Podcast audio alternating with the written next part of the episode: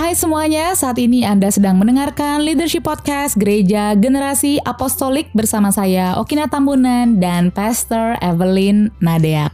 Hai Pastor. Hai juga Okina. Kita masih melanjutkan hashtag Gegapedia Series dan hari ini akan sangat spesial karena kita akan mendiskusikan topik mengenai Dream Team and Dream Guardian.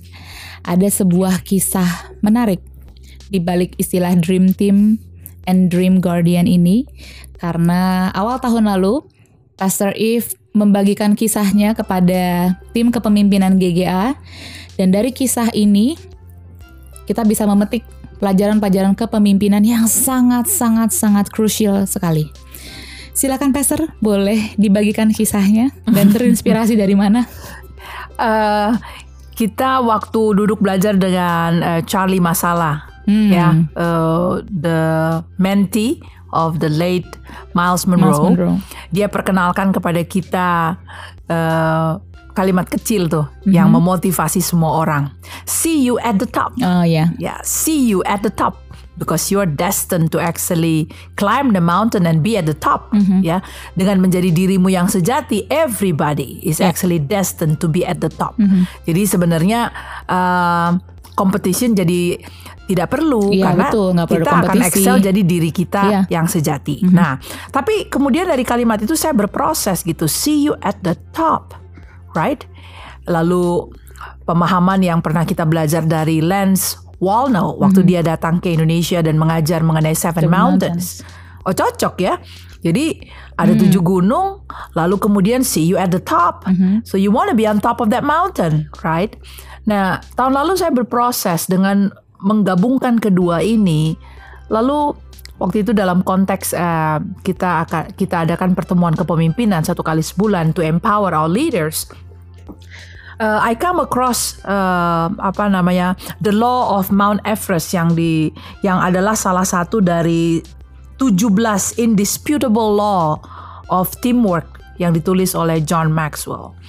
Dia uh, dia tulis di situ mengenai uh, hukum Gunung Everest ya di chapter 4. Dan waktu saya membaca apa yang ditulis oleh John Maxwell, gambaran see you at the top and also the seven mountains yang membentuk atau uh, mind molders ya yang membentuk uh, sistem pola masyarakat dan bahwa kita bisa mendaki gunung-gunung itu puncak-puncak itu apa ya kemudian make sense to me gitu uh, dan membuat saya kemudian mengolah pemikiran bahwa kalau you want to be at the top you cannot You cannot climb that mountain alone. Hmm. Gak bisa sampai di atas tuh sendirian. -hmm.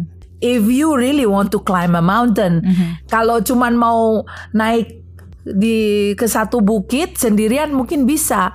But to climb a mountain there is no way no way kau bisa lakukan itu sendiri. Hmm. it takes a team hmm. gitu. Nah ini kita baca aja nih ya. Ini catatan dari John Maxwell. So I'm just simply quoting what he wrote ya. Jadi bear with me.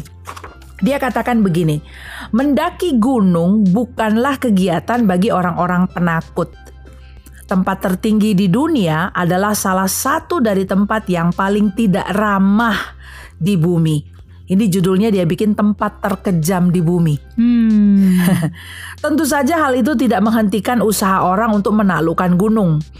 Pada tahun 1786, pendaki pertama berhasil mencapai puncak gunung tertinggi di Eropa yaitu Gunung Mont Blanc di Prancis itu sudah cukup mengagumkan. Namun ada perbedaan besar antara memanjat puncak tertinggi di pegunungan Alpen setinggi 4.800 meter dan memanjat puncak Everest, puncak tertinggi di dunia dengan ketinggian 8.850 meter. Khususnya sebelum peralatan berteknologi tinggi ditemukan. Everest adalah daerah yang terpencil. Ketinggian ini hanya bisa diatasi oleh para pemanjat gunung yang terbaik dan paling berpengalaman. Cuaca di sana benar-benar mengerikan. Para ahli percaya bahwa tubuh dari 120 orang pemanjat gunung yang gagal masih berada di gunung itu hingga saat ini. Hmm. Kerangka yang ditemukan oleh Tenzing dan pemanjat lainnya pada tahun 1935 adalah Morris Wilson, seorang Inggris yang menyusup ke Tibet dan berusaha memanjat gunung itu diam-diam tanpa izin dari pemerintah Tibet. Karena berusaha memanjat diam-diam, dia hanya mempekerjakan tiga orang portir untuk memanjat gunung itu bersamanya. Jadi cuma berempat mereka. Ketika mendekati North Col, ketiga orang itu tidak bersedia melanjutkan perjalanan.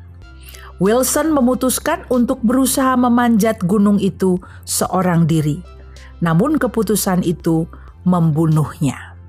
Nah, di bagian berikutnya daripada dari tulisan ini ya, di ini adalah chapter 4 atau bab 4 dari bukunya uh, Maxwell bicara mengenai counting the cost. So if you want to climb the mountain, you actually need to count the cost. Dan memanjat gunung itu bukan jalan-jalan santai. itu bukan JJS, Iya. jalan-jalan sore. Tadi secara tempat aja tempat terkejam ya Yes, Pastor bukan dan, jalan cakep-cakep dan membutuhkan seorang yang pemberani dan mengambil resiko tingkat tinggi. Jadi it is it should be a well calculated risk. Ya, Yes, saya teringat firman Tuhan well-calculated berkata risk. well calculated risk. Uh, firman Tuhan berkata we need to count the cost. Mm-hmm. So how big is your dream? We need to count it. Mm-hmm. How big is your dream? If your dream is at the size of Mount Everest, it is impossible to do it alone, Mm-hmm. right? And and and and kalau bicara mengenai impian ya, God's size of dream is Mm-hmm. always big. Ya. God's size of dream. Makanya beda dengan impian kita pribadi. God's size of dream is big. It is so big that it requires more than you 1%. alone. Ya. Begitu besarnya dan memang karena God design it to be that way so that you collaborate. Karena hanya di dalam kolaborasi you will be shaped to be more like Christ kan gitu. Makanya dia harus kasih impian yang begitu gede sehingga kamu harus bekerja sama dengan orang lain Ya. dan di dalam proses bekerja sama itulah kamu jadi serupa Kristus. You think dreamnya Tuhan yang mana? Hmm. Which one is God's dream? Iya, iya. That Menjadi- ultimate end or to make you to be like Christ? Kristus dong, bener. Yang sampai salah kaprah loh ya, Pastor ya. Right. Kita pikir kita sedang menuju mimpinya Tuhan, tapi lagi berantem sama saudara dalam Kristus. Padahal mimpi besarnya Tuhan adalah menjadi seperti Dia. Menjadikan kita serupa dengan Kristus. Jadi kadang-kadang kita salah kaprah. Oh, itu mimpi paling besarnya Tuhan tuh ya. Iya, jadi dia harus taruh impian besarnya di dalam kita. Pikir pergilah jadikanlah semua bangsa muridku itu sudah cukup besar. Tapi ternyata karena dalam proses pergilah jadikanlah semua bangsa muridku sebenarnya Kamu ada misi Tuhan, mimpi Tuhan di balik itu kamu akan menjadi serupa dengan aku. yang itu yang impiannya Tuhan. Iya, emang it takes an intelligent person and a wise person. I, I can see that she she just finally got it. ah, sama lah kita. ya kalau enggak ini, akan bunuh diri akan mati. Ya, eh, sebetulnya kan karena karena tidak mau bekerja bersama-sama dengan orang kan. We think that uh, it's a God size of dream dan kita mau capai itu seorang Sendirian. diri. Hmm. You'll die. Dan selesai lah sudah. Selesai. You die and you die alone not like Christ. And ada berapa banyak orang yang seperti itu. Even founder of big ministries. Ya. big organization. You know, the minute you want to just do it alone without considering so many aspects, so many things in life, you know, burnout seorang diri. Nah, ini menjadi menarik sekali waktu si apa uh, waktu ini saya baca dari bukunya John Maxwell. I mean, eh, bikin kita jadi bijaksana ya. Jadi rupanya eh, mendaki Gunung Everest itu ternyata dibutuhkan waktu yang panjang. Karena waktu yang panjang, makanya logistiknya juga banyak. Logistiknya itu kurang lebih dua setengah ton peralatan, ransum, nggak bisa diangkat dengan truk. Semuanya harus diangkat sama orang. Iya. Karena nggak ada Nggak jalan ada tol naik ke situ. Berarti kan tempat-tempat licin pendakian itu benar-benar harus orang. Nah, berapa orang?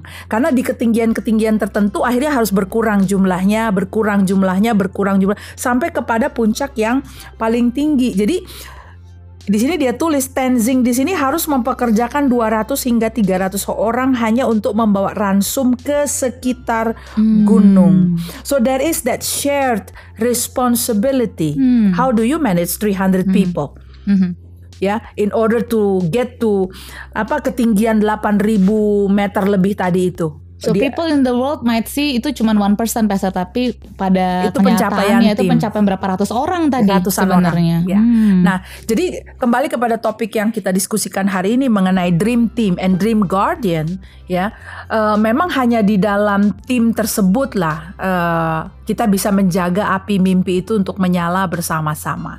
Ada nggak keinginan untuk nyerah aja quit? Ada dong, ya. Eh, saya sangat diberkati dengan interview yang kemarin saya dengarkan Craig Groeschel, eh, Groeschel dengan eh, mentornya. Usianya sudah lanjut mentornya ini dan dia diinterview. Lalu dia tanya, "Eh, "What keeps you apa ya? Apa yang bikin Anda tuh bisa bertahan selama ini?" Rambut sudah memutih dan sudah agak keriput ya, sudah usianya sudah senior. Dan duduk di sofa itu mentornya Craig berkata, um, two things. Dia bilang, saya pikir apa nih rahasianya two things ya. Yang pertama dia bilang, because of my wife.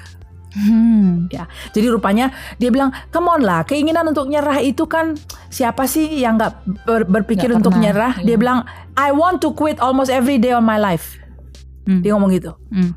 But every time when I go home, my wife will tell me, no, come on. Hmm. Uh, you have to be a man katanya. Ayo dong kamu bangkit lagi. Jadi istrinya selalu ngomong kayak gitu sama dia.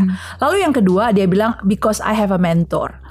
And whenever I call my mentor who is also a pastor Hmm. mentornya berkata uh, you you are graced uh, by God. You can do it.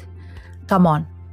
Pick yourself up again jadi dari dua orang ini dia terus yang terus saja men- me- menjaga impian itu di dalam dirinya.